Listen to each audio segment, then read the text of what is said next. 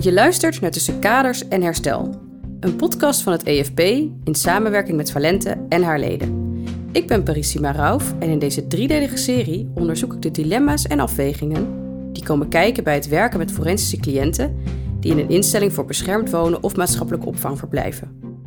Hierover gaan we met behandelaars, beleidsmakers, reclasseringsmedewerkers, cliënten en ervaringsdeskundigen in gesprek. En we verkennen mogelijke oplossingen. In deze aflevering onderzoeken we de samenwerkingen tussen de ketenpartners in het systeem van de forensische zorg. Het huidige systeem van forensische zorg kent een duidelijke rol- en taakverdeling voor alle betrokken partijen in de keten. En dat zijn er nogal wat. Denk hierbij bijvoorbeeld aan het OM, de reclassering, de advocatuur, indicatiestellers, externe zorgaanbieders, ambulant begeleiders en wijkagenten. Hoe verloopt de samenwerking als er zoveel partijen betrokken zijn? En waar lopen die partijen tegenaan binnen de samenwerking? En hoe ervaren cliënten het dat ze met zoveel verschillende partijen te maken hebben? Nee, heel eerlijk, ik denk niet dat ze dat altijd even goed uh, begrijpen. Dat vind ik ook wel, dat vind ik ook een taak uh, en een verantwoordelijkheid voor, voor de professional om dat duidelijk te maken. Je hoort Anneloes. Ze werkt in de jeugdbescherming en reclassering. Anneloes is een energieke jonge vrouw met een stralend gezicht en een hippe bril. Ik ben benieuwd hoe zij vanuit haar functie en ervaring aankijkt tegen de samenwerking tussen partijen onderling. Ik merk wel hoeveel er eigenlijk onduidelijk is als het gaat om taken en verantwoordelijkheden die je hebt wanneer je bij een cliënt betrokken is. Wat doet nou precies de reclassering, maar wat moet een persoonlijk begeleider uh, wanneer die met een cliënt uh, aan de slag is? En vaak hebben zorgaanbieders dan ook nog een centraal aanmeldpunt waar ze dan de indicatiedingen weer regelen. Nou, en, en met wie, daar heeft een cliënt misschien dan niet zozeer iets mee te maken, maar wel die reclasseringswerker. Ja, de, het, het, duidelijk krijgen van elkaars uh, verantwoordelijkheden en taken is wel een nou ja, dat niet alleen naar cliënten toe, maar ook onderling soms. Een, uh, als professionals onder elkaar soms een uitdaging. Ja. Als reclasseringswerker um, en je hebt bijvoorbeeld een cliënt in toezicht en je gaat ergens een aanmelding doen, bijvoorbeeld voor ambulante begeleiding, maar ook bijvoorbeeld voor wonen. En iemand wordt ergens geplaatst. Um, als reclasseringswerker heb je duidelijk voor ogen waarom je dat doet. Uh, en maak je, hè, doe je een, doe je een IFSO-aanmelding en uh, vul je daar uh, een aantal gegevens in, waaronder ook criminogene factoren, maar ook de zorgbehoeften van de cliënt. Nou, IFSO is, niet, wordt, is vaak niet heel erg geliefd onder reclasseringswerkers. Dus dat is ook iets waarin ze soms denken, nou, hup, hup, hup, even snel invullen en als die maar aangemeld wordt. Maar goed, de zorgaanbieder wil vaak wel gewoon even net iets meer informatie waar ze ook recht op hebben om de cliënt vervolgens op de goede plek te kunnen plaatsen. Maar die moet ook weten, wat wordt er dan van mij verwacht? En wat doet de reclassering dan nog? Als reclasseringswerker heb je dan de neiging, ja, uh, weet je, succes. Uh, uh, ik heb hem bij jullie aangemeld, niet voor niets, met een reden. Jullie pretenderen bij wijze van begeleiding te bieden. Of hè, we hebben forensische zorgbedden. Dus ja, ik ga er ook vanuit dat jullie ja, dat kunnen leveren. Um, maar goed, aanmelden is één, maar vervolgens ook duidelijk hebben van elkaar van wat wordt er dan van me verwacht. Ja, dat is twee. En ook naar de cliënt toe, dat hij duidelijk, uh, dat hij weet van oké, uh, dit, dit kan ik van mijn reclasseringswerker verwachten en dit van mijn persoonlijk begeleider. Als ik vragen heb over dit onderwerp, dan moet ik daar wezen. Uh, en ook uh, dat hij ook weet van welke informatie wordt er dan onderling met elkaar uitgewisseld. Ja, want al die verschillende gezichten en rollen, dat kan behoorlijk verwarrend zijn voor een cliënt. Ja, ik, ik, ik zou het. Het lijkt me vreselijk, heel eerlijk gezegd. Als, ik, als je soms zag hoeveel partijen er betrokken waren bij één persoon. Uh, en dan, wist, dan weet je als toezichthouder het ook niet altijd allemaal. Hè? Je, weet, je weet niet. Je bent afhankelijk voor een deel uh, van de informatie die een cliënt jou geeft. En um, ja, de, de hoeveelheid hulpverleners die soms om mensen heen staan. Of partijen die iets van een cliënt willen. Uh, ja, dat is wel, kan wel echt een doolhof zijn. En dan als er, als er sprake is van bepaalde problematiek, uh, psychiatrisch dan wel gewoon psychosociaal of LVB-problematiek, ja, dan kan ik me voorstellen dat dat. Uh, nou, dat zag je natuurlijk ook vaak, dat cliënten gewoon vastliepen. Niet weten hoe het soms werkt, dat dat tot heel veel boosheid kon leiden. Uh, en uh, ja, de ingewikkelde wereld wat dat betreft. Je vertelt je verhaal weer voor de zoveelste keer.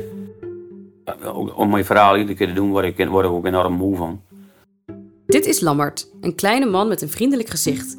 We drinken samen een kop koffie in de instelling voor beschermd wonen en rehabilitatie waar hij verblijft, in Groningen. En uh, daarom sla ik ook meestal heel veel dingen over. Uh, om maar tot de speaking points te komen uh, waar het over gaat. Dus ik sla heel, heel, heel, heel, heel, veel dingen sla ik dus over in het gesprek, wat, wat, wat dus mijn gevoel weergeeft. Dat soort dingen sla ik over. Lammert is bijna 60 en hij lijkt zijn plek gevonden te hebben. Daar ging wel behoorlijk wat aan vooraf. Uh, ja, ik ben een jongen. Ik ben geboren in, uh, in Emmen op het platteland. Uh, ik was al vrij jong dat ik naar de BLO moest. En dat heeft zijn oorzaak. Niet dat ik dat hoorde, ik hoorde daar niet. Ik heb er wel, ik heb er wel tot aan mijn veertiende gezeten. Toen heb ik, ben ik gaan werken in de tuinbouwkas. En toen ik 16 was, ben ik gaan werken in de stratenmakerij. Dat heb ik vijf jaar gedaan en toen kreeg ik last van smetvrees. En daar, ben ik, uh, was ik uh, een paar jaar lang ben ik daar uh, in, huis, in, in huis gebleven. Want ik durfde niet meer, ik durfde niet meer naar buiten toe. En dat is, op, langzamerhand is dat ook verdwenen. Doordat ik een hond nam. Dus ik dwingde mezelf dat ik naar buiten ging weer. Dat soort dingen. En toen kwam ik op mezelf en toen liep alles snel bergafwaarts. Dat ik kwam in contact met, met, ja, met criminele, criminele jongeren. Dat soort jongeren. Uh, en uh, nou, dat heeft geresulteerd dat ik dus uh, veel opnames heb gehad in de psychiatrie. Hoewel Lammert het zwaar vond om zijn verhaal steeds weer te moeten doen aan verschillende hulpverleners, heeft hij de TBS-kliniek waar hij verbleef ook ervaren als een veilige haven. De kantine was altijd wel wat te doen. Het personeel was, altijd, was, was er altijd. We maakten ook wel grapjes met de beveiligers en dat soort dingen. het was een hele goede tijd en ik had mijn dagtaak. S'morgens liep ik vuilnis, ik alle, bij alle afdelingen met de grote vuilniskar. haalde ik de vuilnis op. En om half tien zat ik weer in de, zat ik weer in de tuinploeg. mijn situatie momenteel, dus, kan ik heel veel over zeggen, die is, die is goed, die is zeer goed zelfs. Ik zit hier goed op mijn plek. Ik wil hier ook het liefst blijven tot dat ik het verzorgingshuis ingeschoven kan worden. En, maar dat, dat gaat niet. ik moet hier wel een keer weer weg. Iemand die vanuit een heel ander perspectief naar de forensische keten kijkt, is Edwin. Ja, want het forensisch veld wordt wel als één forensisch veld gezien, maar we kennen natuurlijk nogal wat bloedgroepen. Van clubs die zich allemaal bemoeien rondom die forensische cliënt. En uh, daar staan nog best wel vaak schotten tussen. Edwin is een goedlachse man die veel te vertellen heeft over zijn vakgebied. Ja, ik ben Edwin ten Holte. Ik ben op dit moment bestuurder van de RBW Nijmegen en Rivierenland. En daarnaast vertegenwoordig ik de branche, en dat is Valente, de brancheorganisatie voor uh, opvang, participatie en uh, begeleiding. En Edwin ziet dus dat er tussen die verschillende groepen schotten staan. Staan schotten tussen qua financiering, qua wet en regelgeving, maar ook qua posities die je inneemt in die keten. En ondertussen gaat die cliënt, uh, die gaat door die hele keten heen. Van detentie naar TBS-klinieken, vanuit de TBS-kliniek uiteindelijk weer naar forensisch beschermd wonen. En dan de stap naar zelfstandig met bijvoorbeeld nog wat ambulante begeleiding. In die keten denken is iets heel anders dan in die instituties denken. En in die verschillende spelers denken. Dus als je naar de keten kijkt, dan zien we heel vaak dat we beginnen, ik deed het net zelf ook, uh, om naar de instituten te kijken die er zijn, of de professionals. Uh, maar eigenlijk moet je gewoon de, de, de cliëntreis maken, zoals ze tegenwoordig zo modern uh, noemen. Oftewel, waar komt die allemaal terecht? En hoe hebben we die overgangen geregeld met elkaar? En dan hebben we nog wel wat met elkaar op te lossen. Zoals wat dan? Nou, al, voor detentie. Dan, dan kom je met de reclassering. Eerst hè, politie, justitie, OM, alles komt langs. Maar de reclassering gaat de eerste rapportage uitbrengen. Wil je dus uh, uh, in het forensische zorgcircuit ook zeg maar, terechtkomen... dan moet aan de voorkant daar wel een reden toe zijn. Dus het begint al heel vroeg met het contact met de reclassering... die adviesrapportage uh, maken. Dan wel het NIFP dat daarbij betrokken is met hun adviseurs... Dus helemaal aan die voorkant ben je eigenlijk al aan het nadenken over wat er moet gebeuren om te zorgen dat iemand niet recidiveert. En dat is volgens mij een hele belangrijke uh, reden dat forensische zorg bestaat. Want gedragsverandering, dat krijg je over het algemeen niet door iemand langdurig op te sluiten. Opsluiten is vergelden. Maar wil je daadwerkelijk ook gedrag veranderen, dan zul je een programma op moeten zetten, dan zul je moeten behandelen. En dan zul je uiteindelijk ook moeten begeleiden naar die laatste stap in de wijk. Volgens Edwin is die laatste stap in de wijk een cruciaal punt. Uh, je zou eigenlijk het forensisch beschermd wonen als een soort scharnierpunt kunnen zien uh, binnen de keten. Omdat je eigenlijk van de keten van behandelaren en uh, begeleiders en therapeuten en, en, en beveiliging overgaat naar een onderdeel waarbij je midden in een wijk landt met de partijen die daar aanwezig zijn. En dan moet je denken aan woningcorporaties, welzijnsorganisaties, inderdaad huisartsen en politie. alles wat in de wijk rondloopt, beschikbaar is, waarmee je te maken krijgt als je zelfstandig gaat wonen. En het is voor ons om die brug goed te bouwen. En te zorgen dat iemand aangesloten is. Zodat iemand niet alleen goed kan wonen, maar dat hij ook iets van een daginvulling heeft. Een betekenisvolle dag is heel belangrijk, ook eh, voor je eigen erkenning als persoon, voor je persoonlijk herstel. Uh, maar ook dat je maatschappelijk land is, dat je aansluit bij uh, de wijk, de buurt waarin je komt te wonen. En dan is belangrijk dat wij cliënten daarin begeleiden en hen op weg helpen om die aansluiting met de wijk ook daadwerkelijk te maken. Omdat je ziet dat dat bij zeker een heel aantal forensisch cliënten van zo'n groot belang is dat je gezien wordt door je buren. Dat je ook gewoon als buren gezien wordt.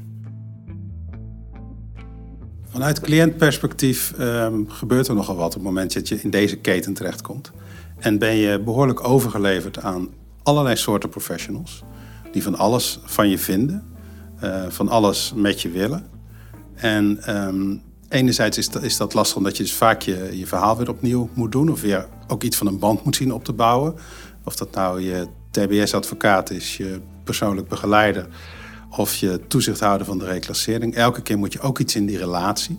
Dus dat is best hard werken voor een, uh, voor een cliënt om dat goed te doen. En te zorgen dat je ook elke keer wel weer die aansluiting uh, maakt. Um, maar volgens mij is voor cliënten het lastigst in een hele keten van de TBS...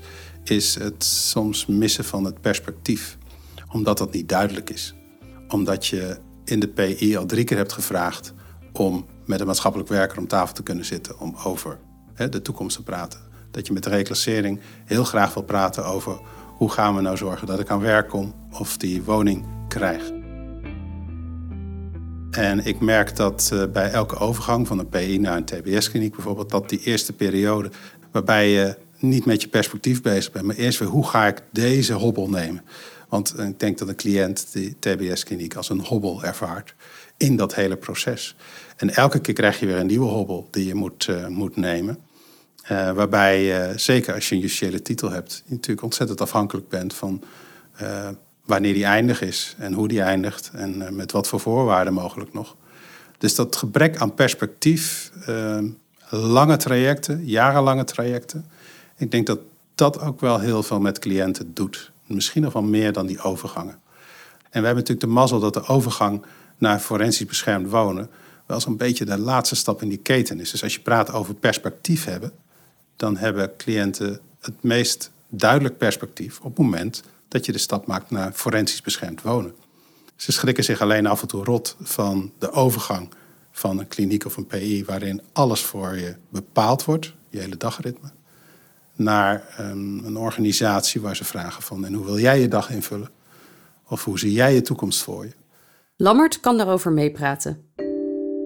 Hij voelde zich niet op zijn gemak in de maatschappij. Uh, niet geaccepteerd voelen. Uh, ja, ik, eh, ik, kan er, ik, kan er, eh, ik kan er ook eh, heel ja, heftig op reageren als ik uitgesloten word. Mm. Dat, toen ik weer uit de TBS kwam, wou ik ook werk hebben, heb ik ook menigmaal gesolliciteerd bij bedrijven. Die vroegen zelfs mensen. En, en als ze dan doorvroegen en ze stelden me de vraag dat er een gat was van 18 jaar, moest ik wel over de brug komen te vertellen dat ik dus een TBS-gestelde was en die wel graag aan, het werk wou. Nou, en dan, dan zeiden ze van, u hoort nog van ons. Ik heb er toen ook opgegeven om, om aansluiting te vinden in de maatschappij.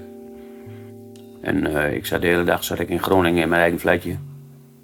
En dat, ik, heb mijn, ik heb mijn begeleider van de AFPN. AFPN dat is een ambulante, ambulante zorg van, van, van Noord, van heel Noord-Nederland. Die hebben te kennen gegeven dat ik graag weer opgenomen wil worden. En dat kon niet, zei hij. En ik zei, nou dan maar naar een andere psychiatrische kliniek. Ik zeg, want ik voel me niet meer geaccepteerd in die maatschappij. Ik zeg, en dit vind ik geen leven.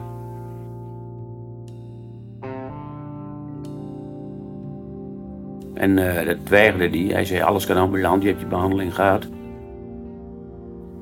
En toen heb ik een uh, overval gezet op een bloemist. Enkel en alleen maar omdat uh, ik weer in, de, nou ja, in de zorgstroom kwam van de TBS. Dit is natuurlijk een extreem voorbeeld. Dit is precies wat we willen voorkomen. Maar het geeft ook aan hoe wanhopig een cliënt zich kan voelen als aansluiting in de maatschappij niet lukt. Aansluiting uh, binnen de samenleving is volgens mij een hele belangrijke slagingsfactor voor het niet recidiveren. En daar kunnen wij vanuit ons werk heel veel in doen. En dat begint al bijvoorbeeld het aanbieden van uh, sportactiviteiten.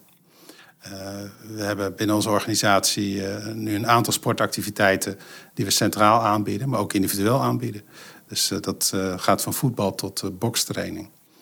en dan kom je in andere situaties. En het mooie vind ik, wat wij nu doen, is dat wij die sportactiviteiten altijd in een reguliere setting aanbieden. Dat betekent dat we gaan boksen op de bokschool dat we gaan voetballen op het voetbalterrein van de plaatselijke voetbalvereniging.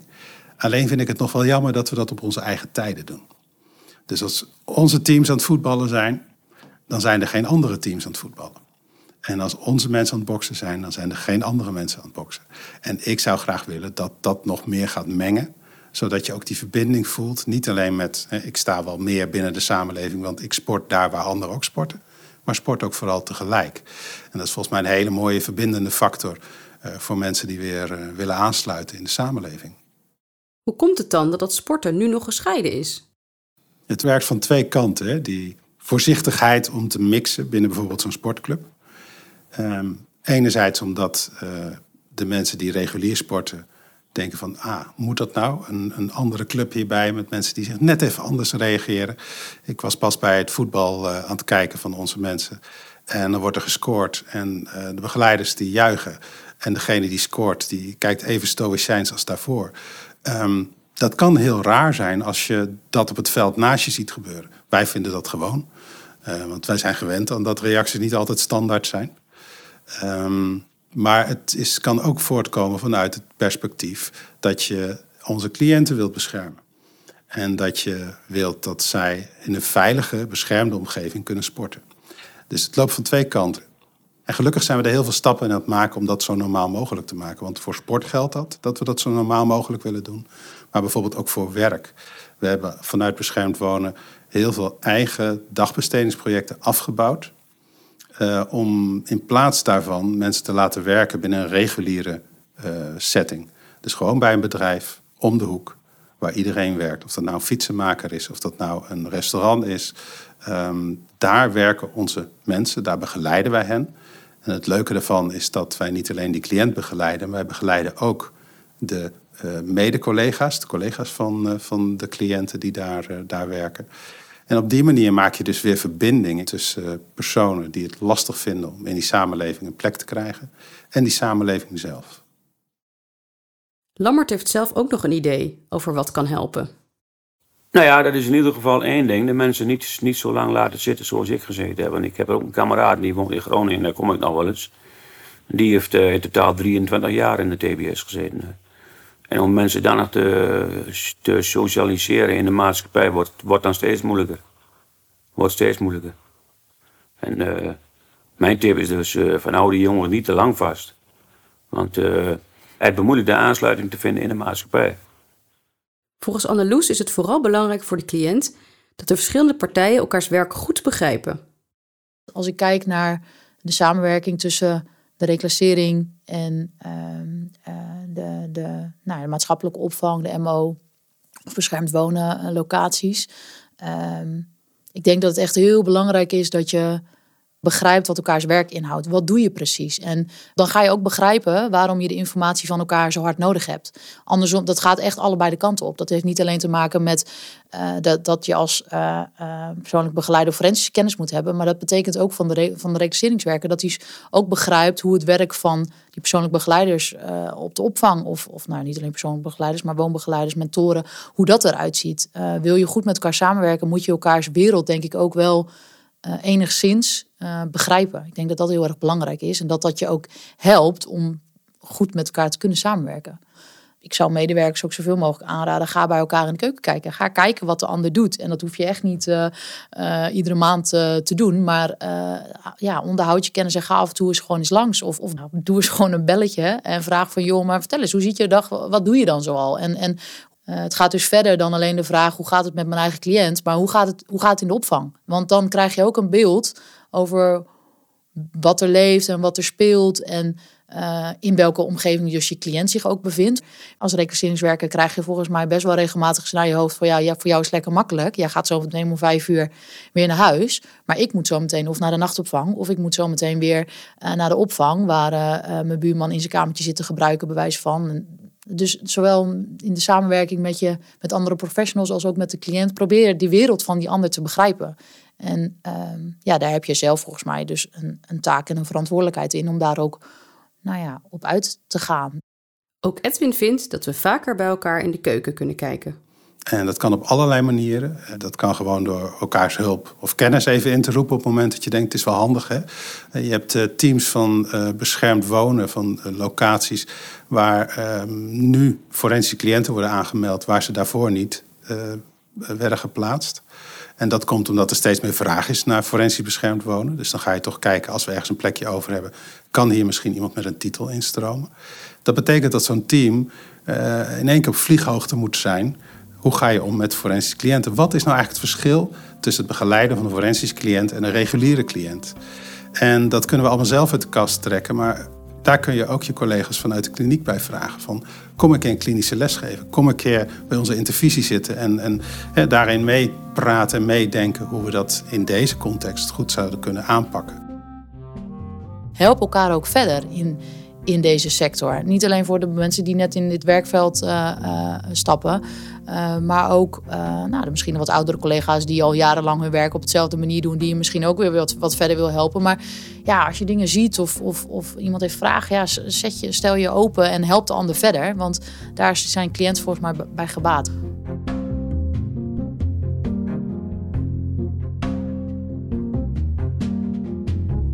Je luisterde naar de derde en laatste aflevering van Tussen Kaders en Herstel.